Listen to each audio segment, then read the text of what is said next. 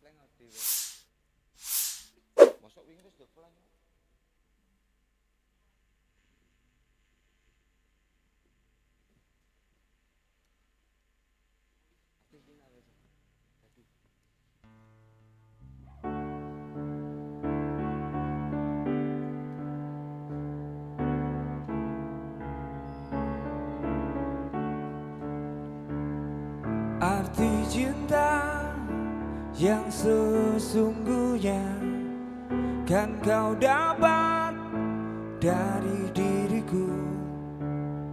Meski aku bukanlah lelah kau impi-impikan. Bukan kata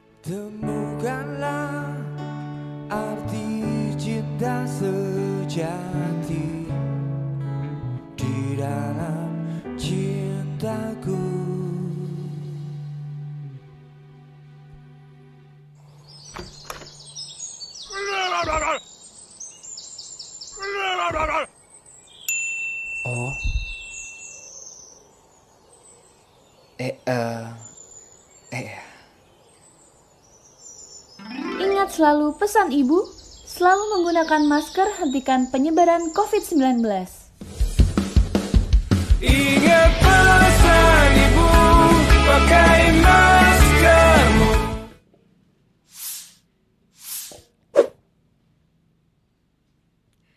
Halo, selamat pagi sedulur Jogja semuanya. Apa kabar hari ini? Semoga semuanya sehat, semuanya semangat pastinya ya.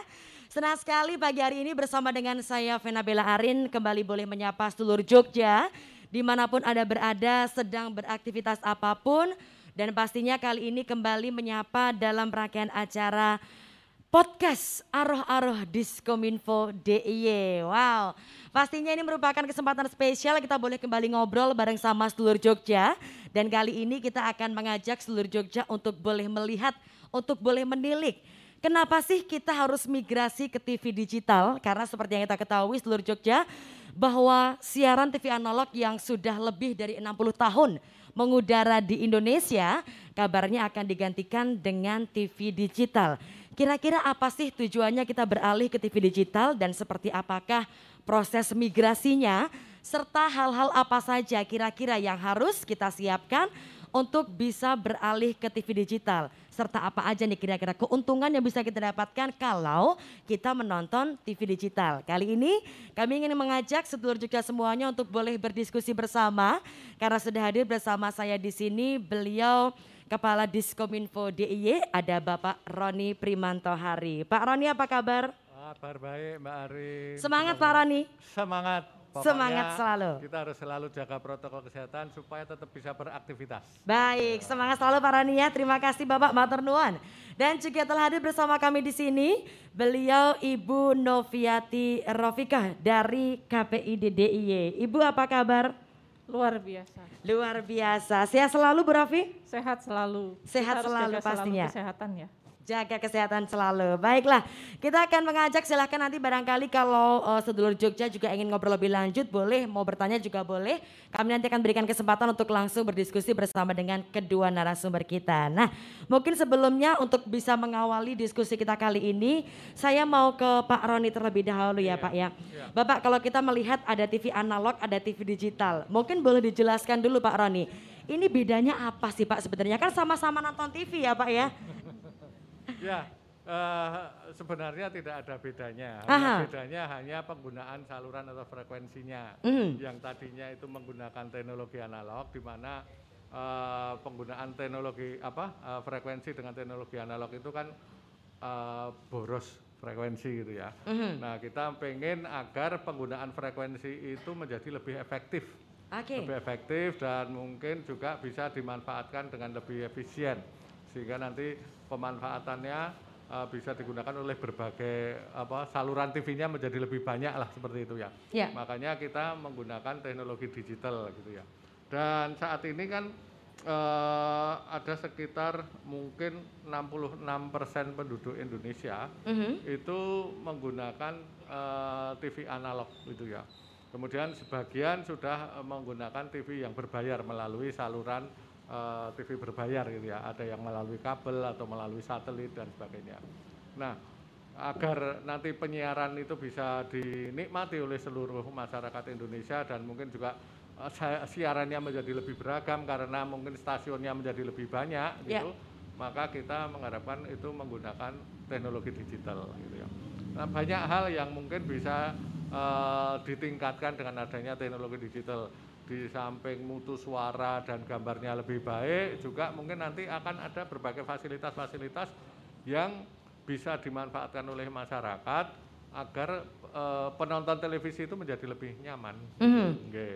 Baik Pak Roni. Ya, kadang-kadang memang ada banyak yang masih eh, bingung nih bedanya TV digital dengan TV yang melalui internet gimana gitu ya. Hmm, Itu oke. beda sekali memang. Beda gitu. banget ya Pak ya. Kalau dengan internet kan kita harus memerlukan kuota gitu Ya. ya. Kalau dengan TV digital itu nggak perlu kuota gitu ya. Jadi nggak nggak perlu beli kuota ya. Yang penting punya pesawat atau punya perangkat yang bisa digunakan untuk menangkap siaran digital ini. Gitu. Baik Bapak, artinya juga kalau kita mau melihat eh, mungkin sama-sama nonton TV tapi beda secara kualitas ya Pak ya. Eh, masyarakat tuh bisa menikmati eh, tayangan yang mungkin lebih berkualitas seperti itu Pak Roni. Berkualitas juga, iya gambarnya lebih bagus, suaranya lebih bagus gitu dan Oke. mungkin ada berbagai macam fasilitas-fasilitas yang lain yang bisa digunakan agar masyarakat menjadi lebih nyaman. Gitu. Mhm, mhm. Artinya kita bisa mendapatkan kenyamanan yang lebih dengan Ya. eh, melihat menonton TV digital TV seperti digital, itu. ya. Nah sejauh ini Pak Roni untuk proses eh, migrasinya sendiri, artinya kan mungkin ada beberapa eh, peralatan atau mungkin ada beberapa hal yang perlu kita siapkan untuk Ya. beralih ke TV digital. Kira-kira apa aja Pak yang harus disiapkan Pak? Ya kalau sudah mempunyai smart TV gitu ya, saat Mhm. ini kan sudah mulai banyak nih dijual smart TV. Itu tidak perlu peralatan lain, Nah. artinya kita bisa melakukan scanning untuk bisa mendapatkan saluran TV digital itu dengan menggunakan antena gitu ya. Mhm. Namun eh, masih banyak juga tadi sudah saya sebutkan ada 66% rakyat Indonesia itu masih menggunakan TV analog. Ya. TV analog itu ya TV biasa yang itu yang belum ada saluran digitalnya belum smart gitu ya. Mhm. Maka dia memerlukan eh, alat tambahan namanya set top box. Set-top box. Set-top box itu digunakan sebagai alat tambahan supaya eh, TV yang kita gunakan itu bisa menangkap saluran digital. Mhm. Nah, sekarang memang sedang eh, diadakan sosialisasi agar penggunaan set-top box ini bisa eh, dimanfaat oleh masyarakat dengan harga yang tidak memberatkan lah gitu ya, Ya. minimalkan. Bahkan mungkin kalau bisa diproduksi sendiri oleh Indonesia. Teman-teman yang selama ini mungkin bergerak di bidang elektronika itu bisa menggunakan itu. Hanya memang masih perlu banyak eh, apa pengembangan-pengembangan. Semoga nantinya kita segera bisa mendapatkan lah eh, pro- proses atau program kegiatan di mana penggunaan eh, TV digital itu bisa dinikmati oleh masyarakat dengan lebih murah dan mudah.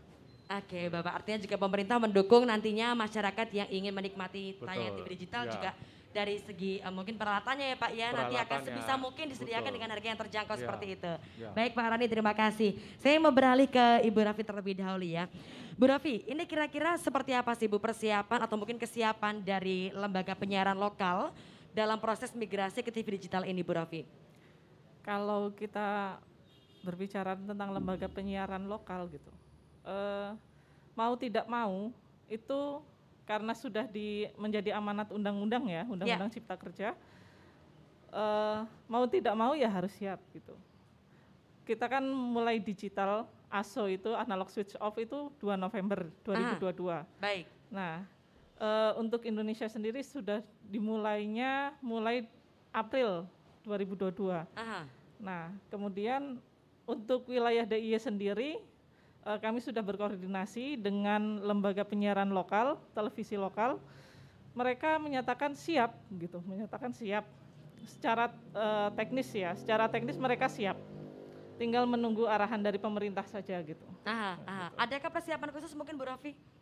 Kalau persiapannya KPID itu kan mengawasi secara konten ya. Ya.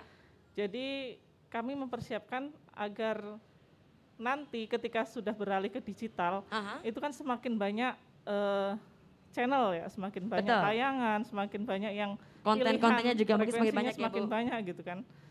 Eh, channelnya semakin banyak, pilihannya semakin banyak, sehingga eh, sebisa mungkin dari KPI DDI itu mengupayakan agar eh, banyaknya keberagaman konten ini bisa Mhm. mengangkat potensi lokal daerah. gitu. Oke. Potensi-potensi yang ada bisa dari ekonominya, bisa mengangkat UMKM misalnya, kemudian bisa mengangkat juga sektor kebudayaan eh, dan pariwisata misalnya. Jadi kita upayakan semaksimal mungkin dengan beralihnya ke digital ini tidak hanya secara teknis Mhm. yang menguntungkan masyarakat, tapi kontennya juga memanfaatkan eh, sumber daya lokal gitu, memanfaatkan seluruh potensi-potensi lokal yang ada. Oke, baik Bu Raffi. Artinya ini juga harapannya masyarakat nanti terdorong untuk bisa semakin mengoptimalkan potensi yang dimiliki ya. Iya, betul. Semakin banyak channel artinya semakin banyak tayangan-tayangan yang bisa dilihat oleh masyarakat. Harapannya nanti semakin kreatif, semakin inovatif dengan mengangkat potensi-potensi lokal yang dimiliki. Seperti itu Bu Rofi ya? Iya betul. Oke, baik terima kasih Bu Rofi. Nah kembali ke Pak Roni.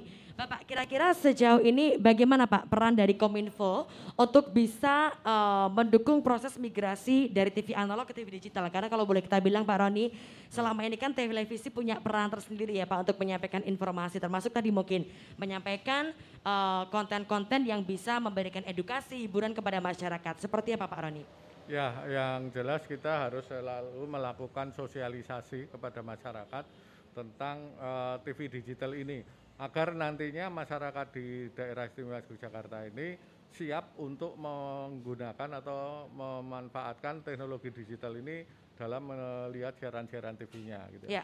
Mungkin kalau KPID terkait dengan kontennya itu dia menyiapkan TV-nya. Nah, kita itu menyiapkan masyarakat gitu ya, masyarakat agar mereka juga siap untuk bisa menikmati. Jangan sampai nanti TV digital ini sudah on gitu, tapi masyarakat yang punya TV itu tidak bisa menikmatinya. Nah, Ya. Kita harus menyiapkan. Kita melakukan sosialisasi, sosialisasi tentang bagaimana eh, kita harus menggunakan TV yang lama untuk bisa menonton TV digital itu bagaimana. Kemudian kita juga eh, mensosialisasikan tentang bagaimana supaya masyarakat masyarakat di Yogyakarta ini bisa eh, ikut berpartisipasi dalam menggunakan eh, frekuensi-frekuensi digital ini agar mereka juga ikut bisa terlibat dalam eh, mengembangkan teknologi digital ini gitu. Mhm.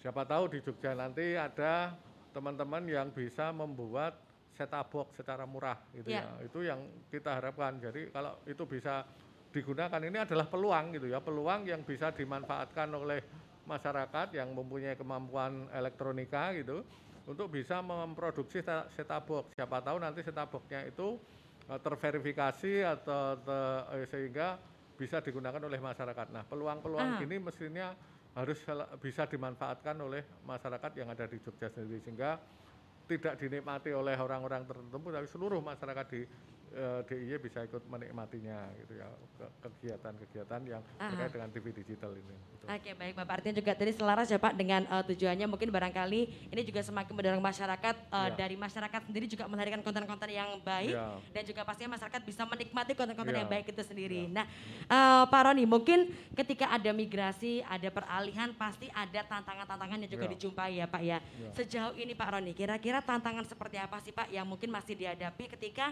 mengajak masyarakat untuk yuk kita beralih ke TV digital?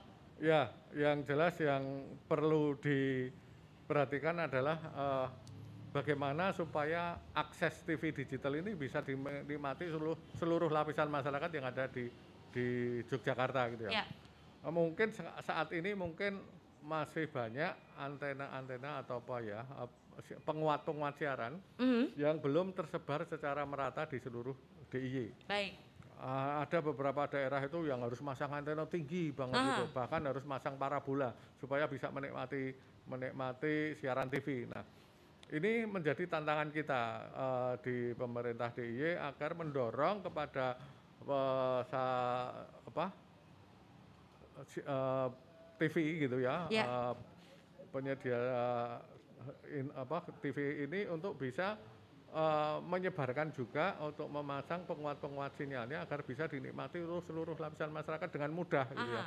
Kalau bisa nggak usah pakai antena tinggi deh, pakai antena yang pendek sehingga kalau itu bisa dilaksanakan maka siaran TV ini akan lebih eh, sering dinikmati oleh masyarakat Jogja. Aha. Nah, ini yang kita harapkan. Nah, kemudian juga pemahaman sekarang ini kan tantangannya kan adanya TV streaming sama TV digital gitu ya. Ya.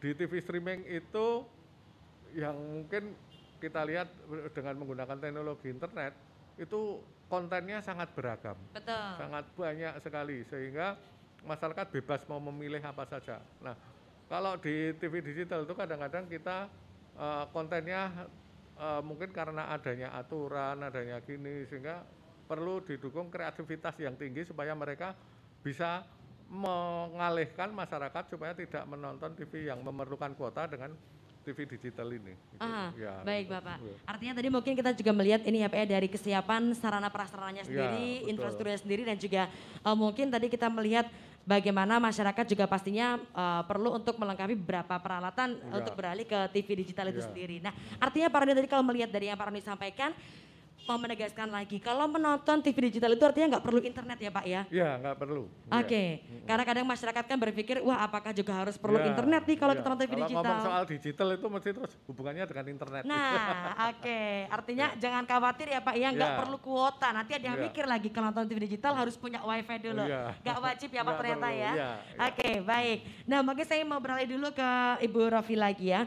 Eh Bu Rofi, mungkin tadi kalau dari eh, Pak Roni dari Diskominfo DIY mungkin juga lebih tantangannya di bagaimana kita melihat eh, kondisi masing-masing wilayah dengan sinyalnya kemudian juga dengan infrastruktur yang ada seperti itu. Nah, kalau dari Bu Rofi sendiri nih dari KPD DIY, kira-kira eh, untuk dapat mengontrol banyaknya tayangan-tayangan atau konten yang mungkin akan muncul nanti dengan adanya banyak channel, tantangannya seperti apa Bu Rofi?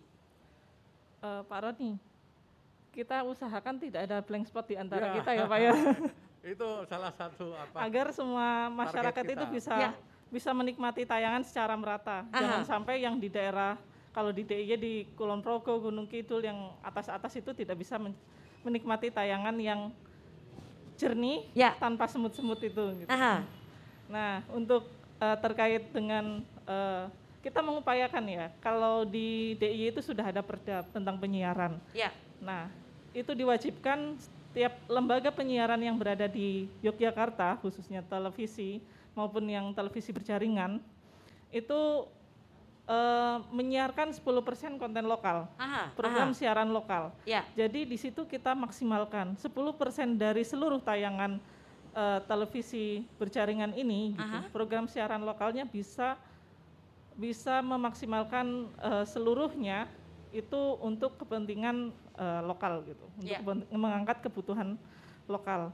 Nah di Perda sendiri itu udah udah sudah diamanatkan ya, sudah diamanatkan Aha. mengangkat keistimewaan tentang Pancasila, kemudian eh, siaran agama juga, Aha. kemudian kebencanaan, eh, pariwisata dan lain sebagainya.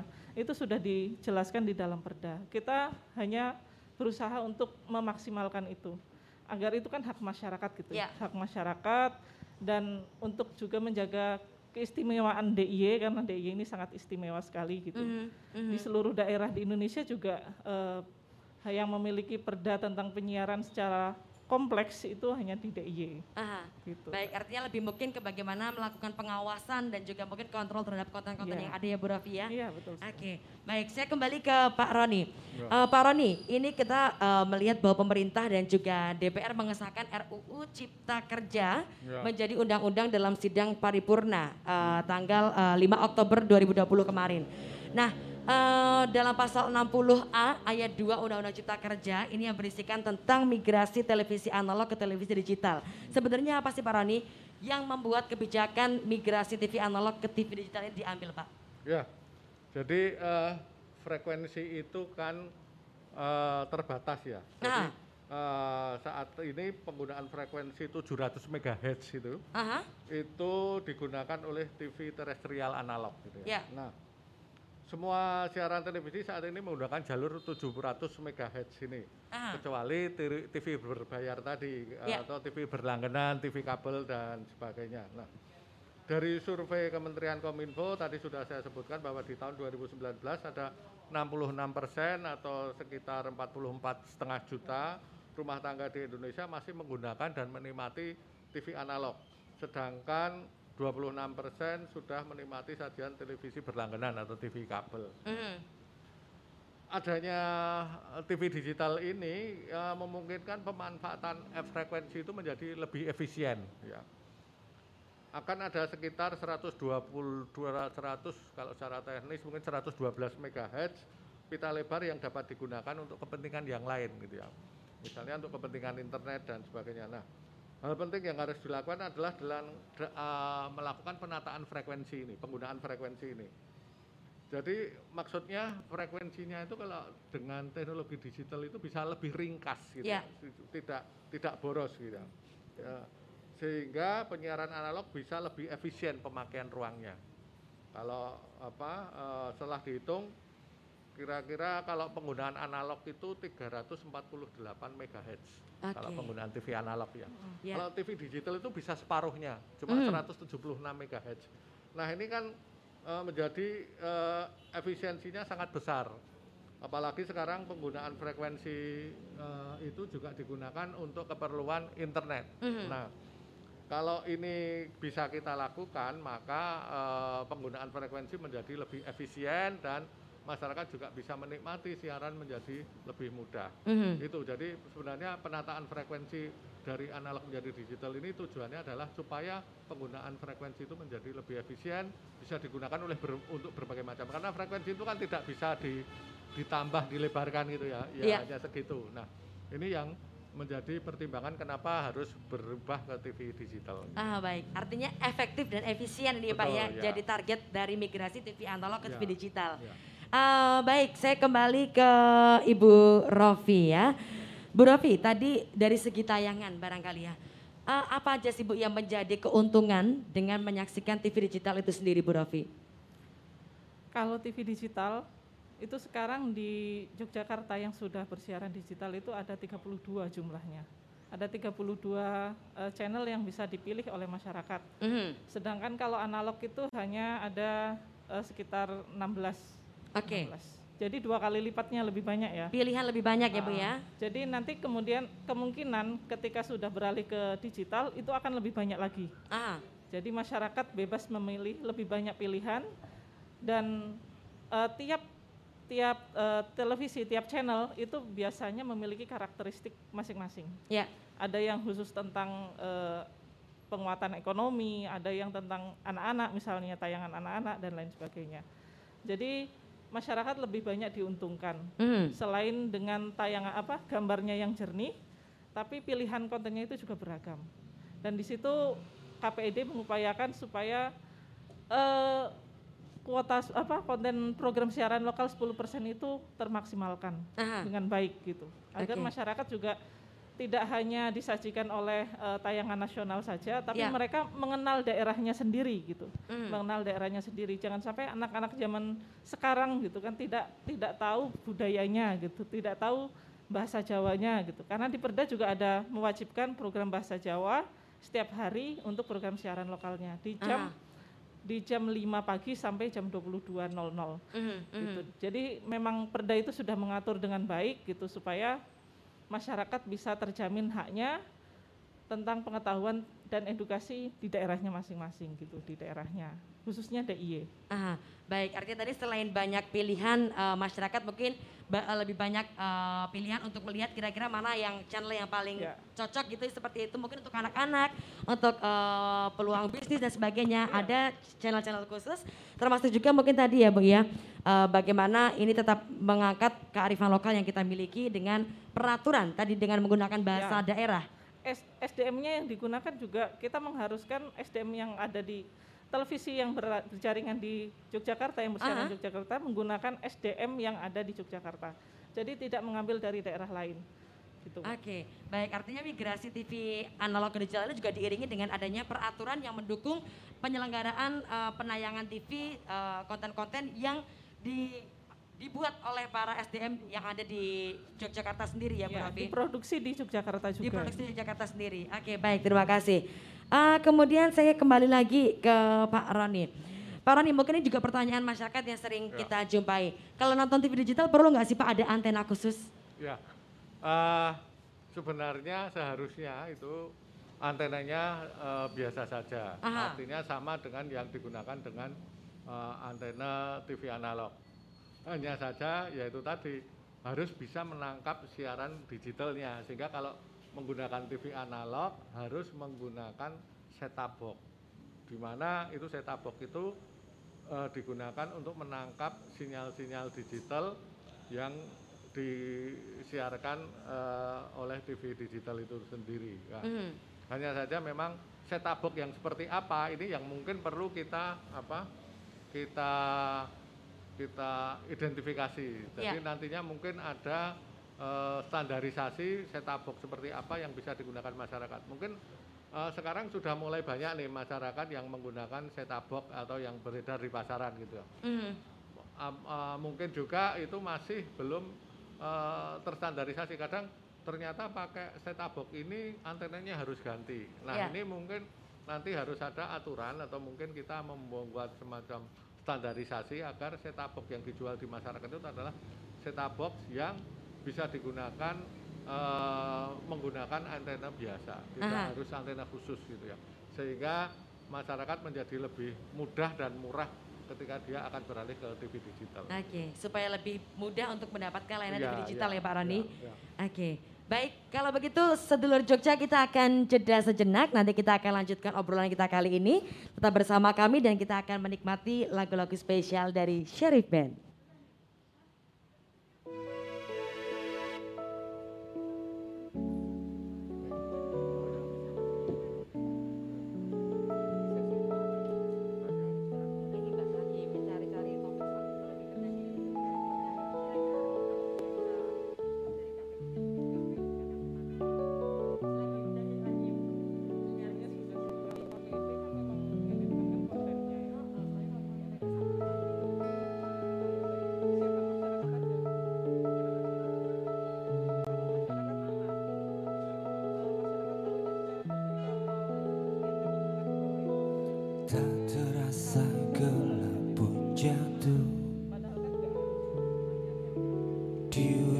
Malam Menuju pagi yang dingin. Hanya ada sedikit bintang malam Mungkin karena kau sedang cantik-cantiknya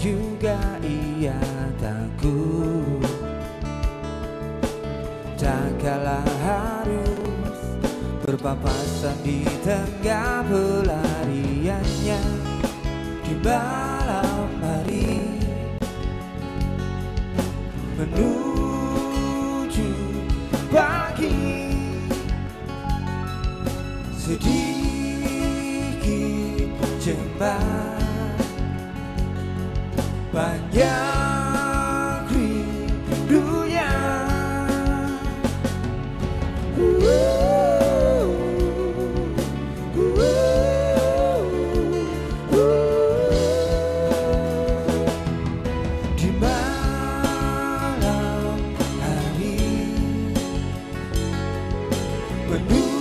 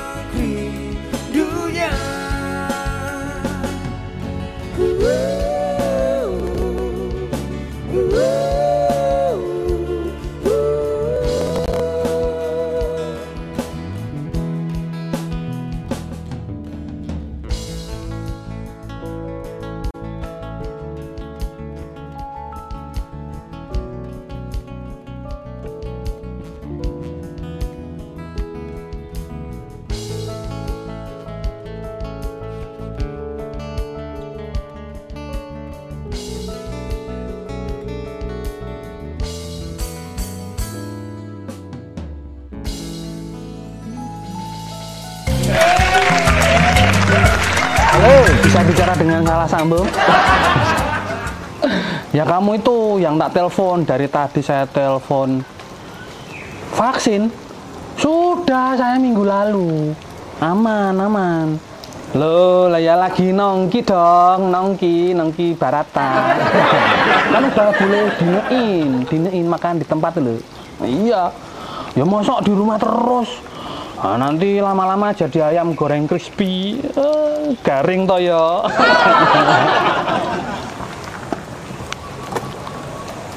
Silahkan mas minumannya. Makasih mbak. Mas mohon maaf kalau lagi nggak minum maskernya mau dipakai ya. Mbaknya ini posesif banget, ngatur-ngatur. Saya ini udah divaksin mbak, diaman, tenang aja. Tapi memang begitu mas aturannya biar kita saling menjaga. Saya bilang apa? Saya tuh udah divaksin, jadi aman. Tenang aja toh mbak. Oh iya mas. Walah mbak pakai didurasiin segala. Udah mbak, balik kerja lagi sana aja, wes. Udah, udah.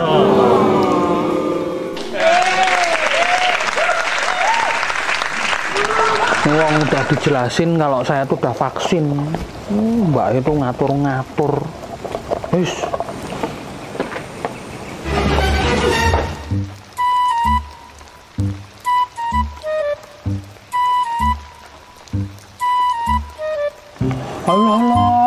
San. Apa toh? Nggak usah sok bersih gitu deh. Kita kan udah divaksin. Walah, nggak usah takut sama virus, takut tuh sama bojo. Udah sini, aku butuh temen ngobrol. Alah, kok malah masih jaga jarak lu? Kita ini udah divaksin toh. Gini ya bro, meskipun sudah divaksin, kita tetap harus jaga protokol kesehatan. Jadi, sudah vaksin itu bukan berarti kita kebal dan bisa seenaknya gitu. Prokes juga tetap harus dijalanin. Mencuci tangan dengan sabun, memakai masker, menjaga jarak, menjauhi kerumunan, menjaga mobilitas, dan sekarang ditambah menghindari makan bersama. Nah, itu semua tetap harus diterapkan, termasuk 20 menit untuk durasi makan. Kalau masih nggak cukup, kan bisa take away. Sekali lagi, vaksin itu bukan berarti kita bisa sesukanya. Kita juga harus saling menjaga. Hmm, ya berarti aku salah ya selama ini ya. Oke, oke, oke. Yaudah, dihabisin itu minumannya. Terus maskernya, masker dipakai.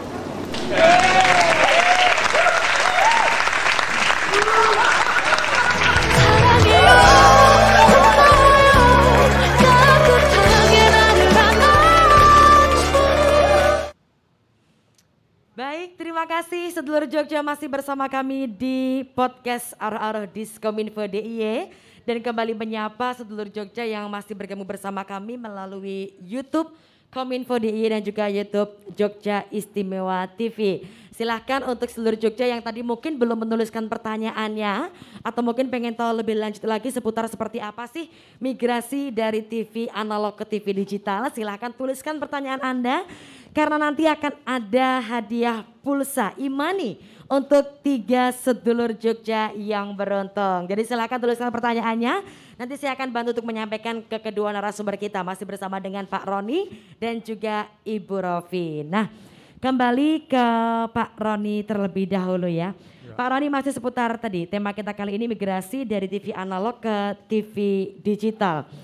Eh, rencananya Pak Roni, kapan sih Pak migrasi TV analog ke digital ini akan direalisasikan atau mungkin akan dilakukan? Jadi artinya masyarakat nggak bisa nonton TV lagi nih kalau mungkin belum beralih ke TV digital. Ya, itu istilahnya analog switch off Oke. atau ASO gitu ya. Ya. Itu di mana nanti eh, TV analog itu di switch off, dimatikan untuk berpindah ke digital. Sebenarnya harusnya pada bulan Agustus tahun 2021 ini eh, sudah mulai perpindahan itu. Hanya saja mungkin karena berbagai pertimbangan juga adanya pandemi ini maka itu diundur. Hmm. Eh, rencananya sih kalau nggak salah akhir tahun 2022, mungkin bulan November ya Bu ya, bulan November tahun 2022 itu eh, sudah akan dilakukan analog switch off di mana seluruh eh, siaran TV analog harus berubah ke TV digital. Nah ini memang kita harus bersiap-siap, terutama dari yang pertama masyarakat sendiri yang nanti akan menikmati siaran TV digital itu, dan kemudian yang kedua adalah eh, apa eh, stasiun TV juga karena mereka juga harus mungkin ada berbagai macam peralatan yang harus disediakan supaya mereka bisa bersiaran di TV digital. Nah, mudah-mudahan lah nanti eh, dalam waktu setahun ke depan ini eh, sosialisasi, persiapan dan sebagainya bisa kita eh, lakukan sehingga eh, masyarakat bisa menikmati TV eh, siaran TV digital ini. Oke, baik Pak Roni.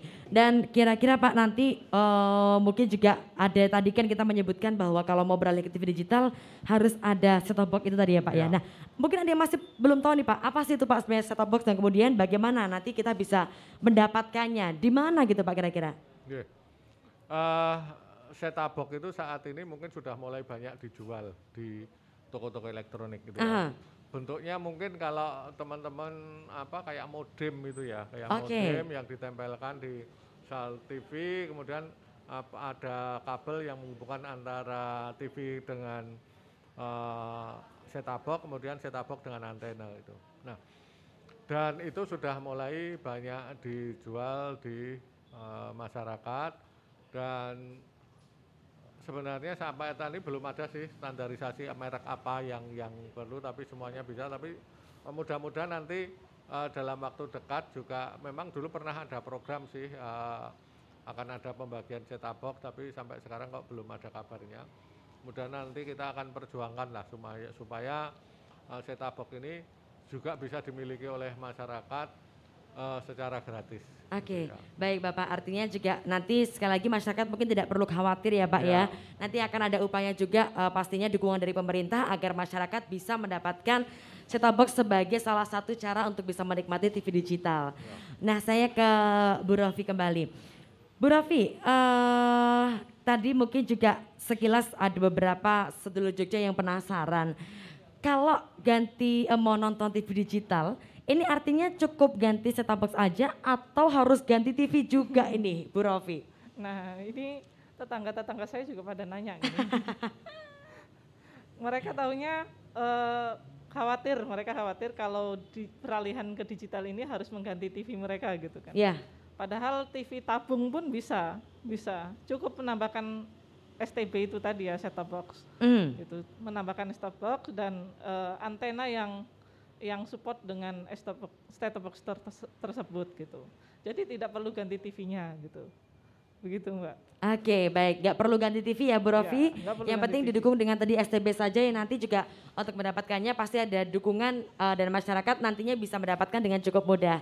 Eh, Bu Rofi, dan eh, selama proses migrasi ini seperti apa sih mungkin keterlibatan dari pemerintah legislatif barangkali untuk bisa mendukung juga upaya mensukseskan dari migrasi TV analog ke TV digital ini?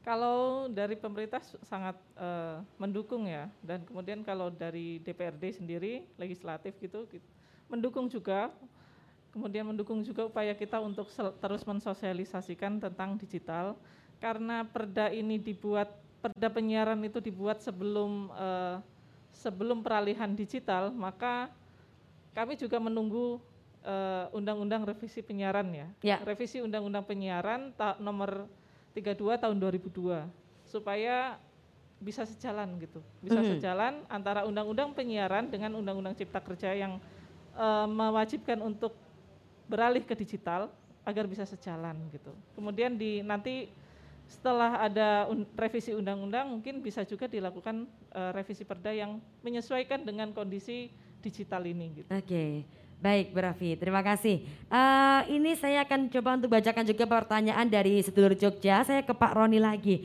Bapak, ini tadi mungkin sudah sempat disinggung sedikit, Ya. tapi ada pertanyaan dari sedulur Jogja, ada eh, Mbak atau Ibu Amira Nur Syazana. Selamat pagi Bapak, izin bertanya. Dalam TV eh, eh, infonya nanti akan ada pembagian STB gratis untuk mendukung migrasi TV analog ke digital. Apakah betul Pak Roni dan bagaimana mekanisme untuk eh, bisa mendapatkannya dan siapa saja Pak yang berhak mendapatkannya? Ya, eh, memang saya pernah dengar eh, kabar itu bahwa nanti pemerintah akan menghabis, meng, apa, menyebarkan set-top box gitu ya untuk masyarakat, terutama untuk masyarakat-masyarakat yang membutuhkan. Artinya mungkin nanti kriterianya seperti yang dilakukan di eh, Kementerian Sosial yaitu adalah masyarakat-masyarakat yang eh, terdaftar atau ter eh, mungkin masyarakat miskin lah istilahnya seperti Iya. itu. Nah, ini diharapkan itu bisa mendapatkan set-top box ini. Namun sampai sekarang eh, kejelasan tentang program tersebut belum kita dapatkan, tapi mudah-mudahan nanti mungkin karena adanya pandemi ini sehingga program itu mungkin agak diundur karena eh, untuk apa saat ini pun untuk ASO-nya sendiri kan juga akan diundur. Mhm. Mudah-mudahan nanti dalam waktu dekat kalau memang itu program itu ada, kita akan segera mensosialisasikan itu dan terutama untuk masa yang jelas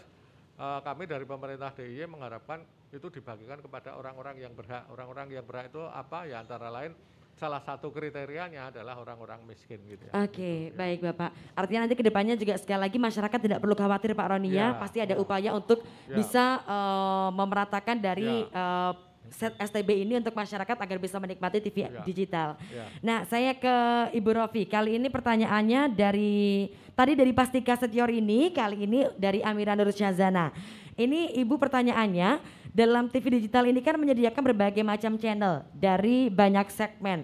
Nah, terkait dengan hal tersebut apakah ada Bu fitur khusus untuk anak sehingga menjadikan TV yang ramah anak? Wah, ini ibu-ibu Ya. sudah mulai khawatir nih kayaknya Bu ya.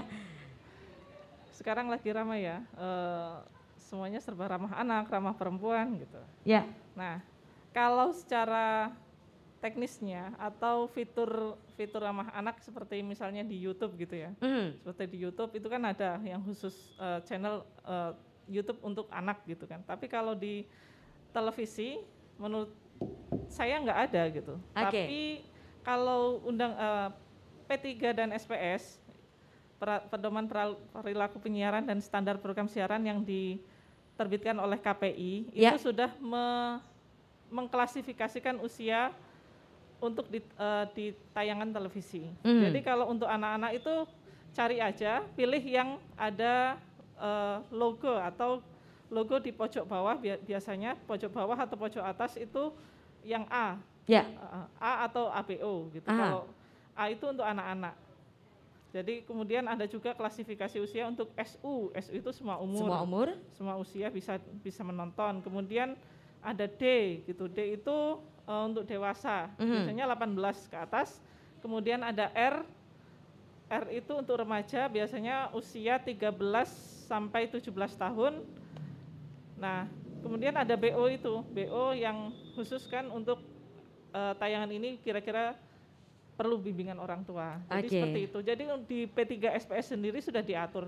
Ya. Di regulasi penyiaran itu sudah diatur untuk Aha. klasifikasi usia. Oke. Jadi memang kalau anak menonton itu baiknya didampingi. Oke, Jadi baik. tidak tidak eh, orang tua bisa mengawasi tayangan yang dipilih anak gitu. Oke, baik artinya juga pengawasan dari orang tua tetap harus dilakukan ya Bu Ya, Rofi ya, betul supaya aman menonton tayangan di televisi. Dan pertanyaan terakhir ini untuk Pak Roni, Bapak ini dari eh, Ibu Sulistiarini Andrin. Bapak untuk warga yang awam yang kurang terjangkau dengan informasi terbaru dan hanya punya TV biasa di rumah sebagai hiburan, apakah ada Bapak sosialisasi khusus supaya masyarakat tetap bisa mengakses TV digital? Ya, eh, kita sedang mengusahakan nih ya supaya nantinya di tahun depan kita punya program untuk melakukan sosialisasi terkait dengan migrasi TV analog ke TV digital ini. Mudah-mudahan Ya. nanti tahun depan kita ada kegiatan itu. Walaupun sekarang ini sebenarnya kita juga ada sih beberapa kegiatan yang kita lakukan eh, bekerja sama dengan KPID ini untuk melakukan sosialisasi itu ke langsung ke masyarakat. Aha. Hanya saja mungkin karena ada pandemi ini mungkin kegiatan itu terbatas. Mudah-mudahan nanti tahun depan kita akan mengadakan kegiatan seperti itu. Oke, Marin. baik. Mari, Ditunggu ya. Tadi ada yang bertanya kepada saya gitu. Kenapa eh, podcast kali ini eh, streaming gitu? Sia- Ah. eh, apa eh, sosialisasi digital melalui streaming gitu? Kenapa nggak di TV gitu? Karena ini salah satu upaya ya Pak, Ya. salah satu upaya untuk pemerataan sosialisasi. Kita bisa sosialisasi di mana aja. Nggak mungkin juga kalau sosialisasi digital tapi di televisi digital. Aha. Ya untuk apa gitu kan? Udah Ya. orang udah menonton digital, ya justru kita bisa sosialisasi lewat Ya. internet yang bisa lebih menjangkau banyak orang gitu Aha. kan. Salah satunya lewat eh, streaming ini gitu.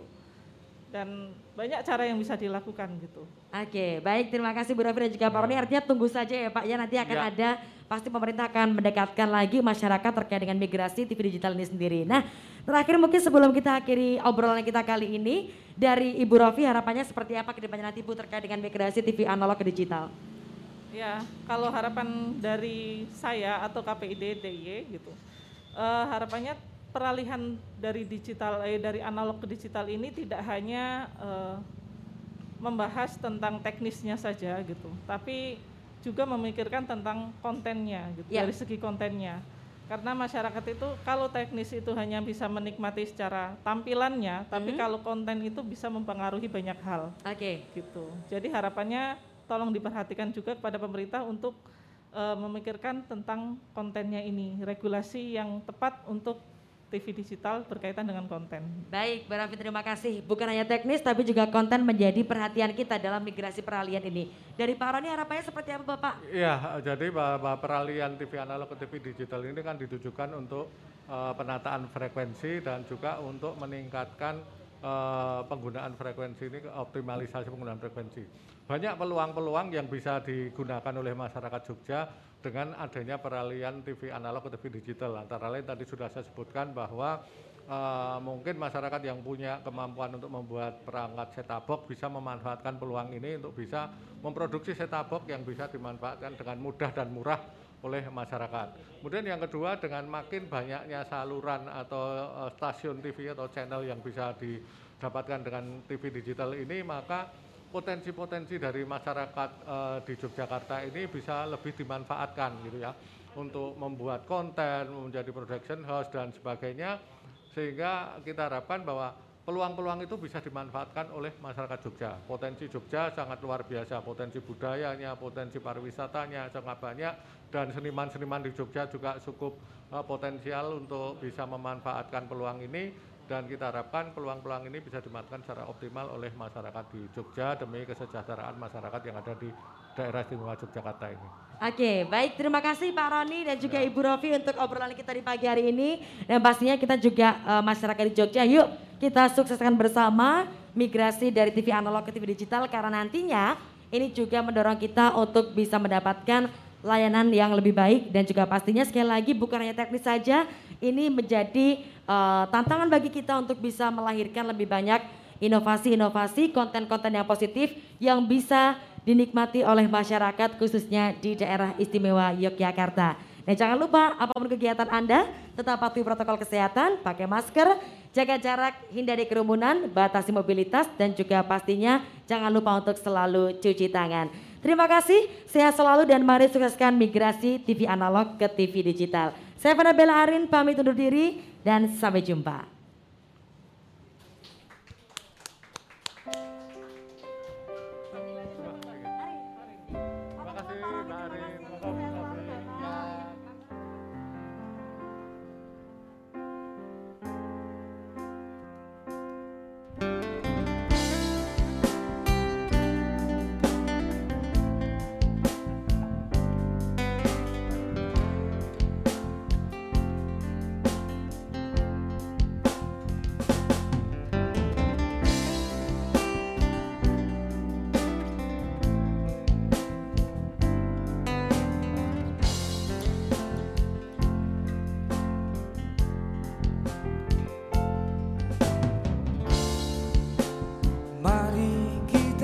ada sebentuk cinta putih yang telah terbina.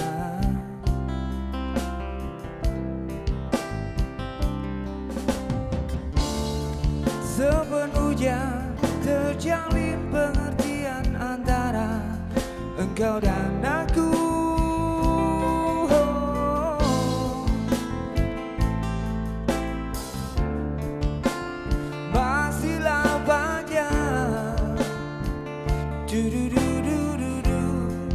jalan hidup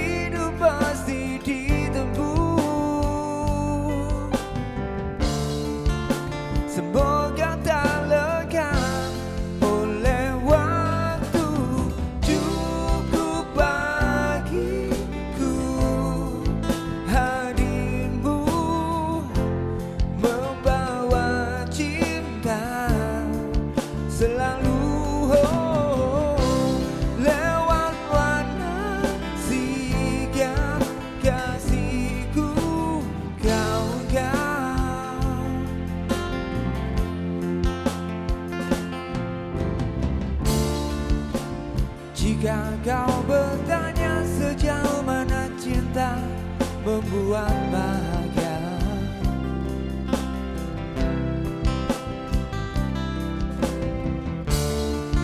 Sepenuhnya terimalah apa adanya dua. Beda menyatu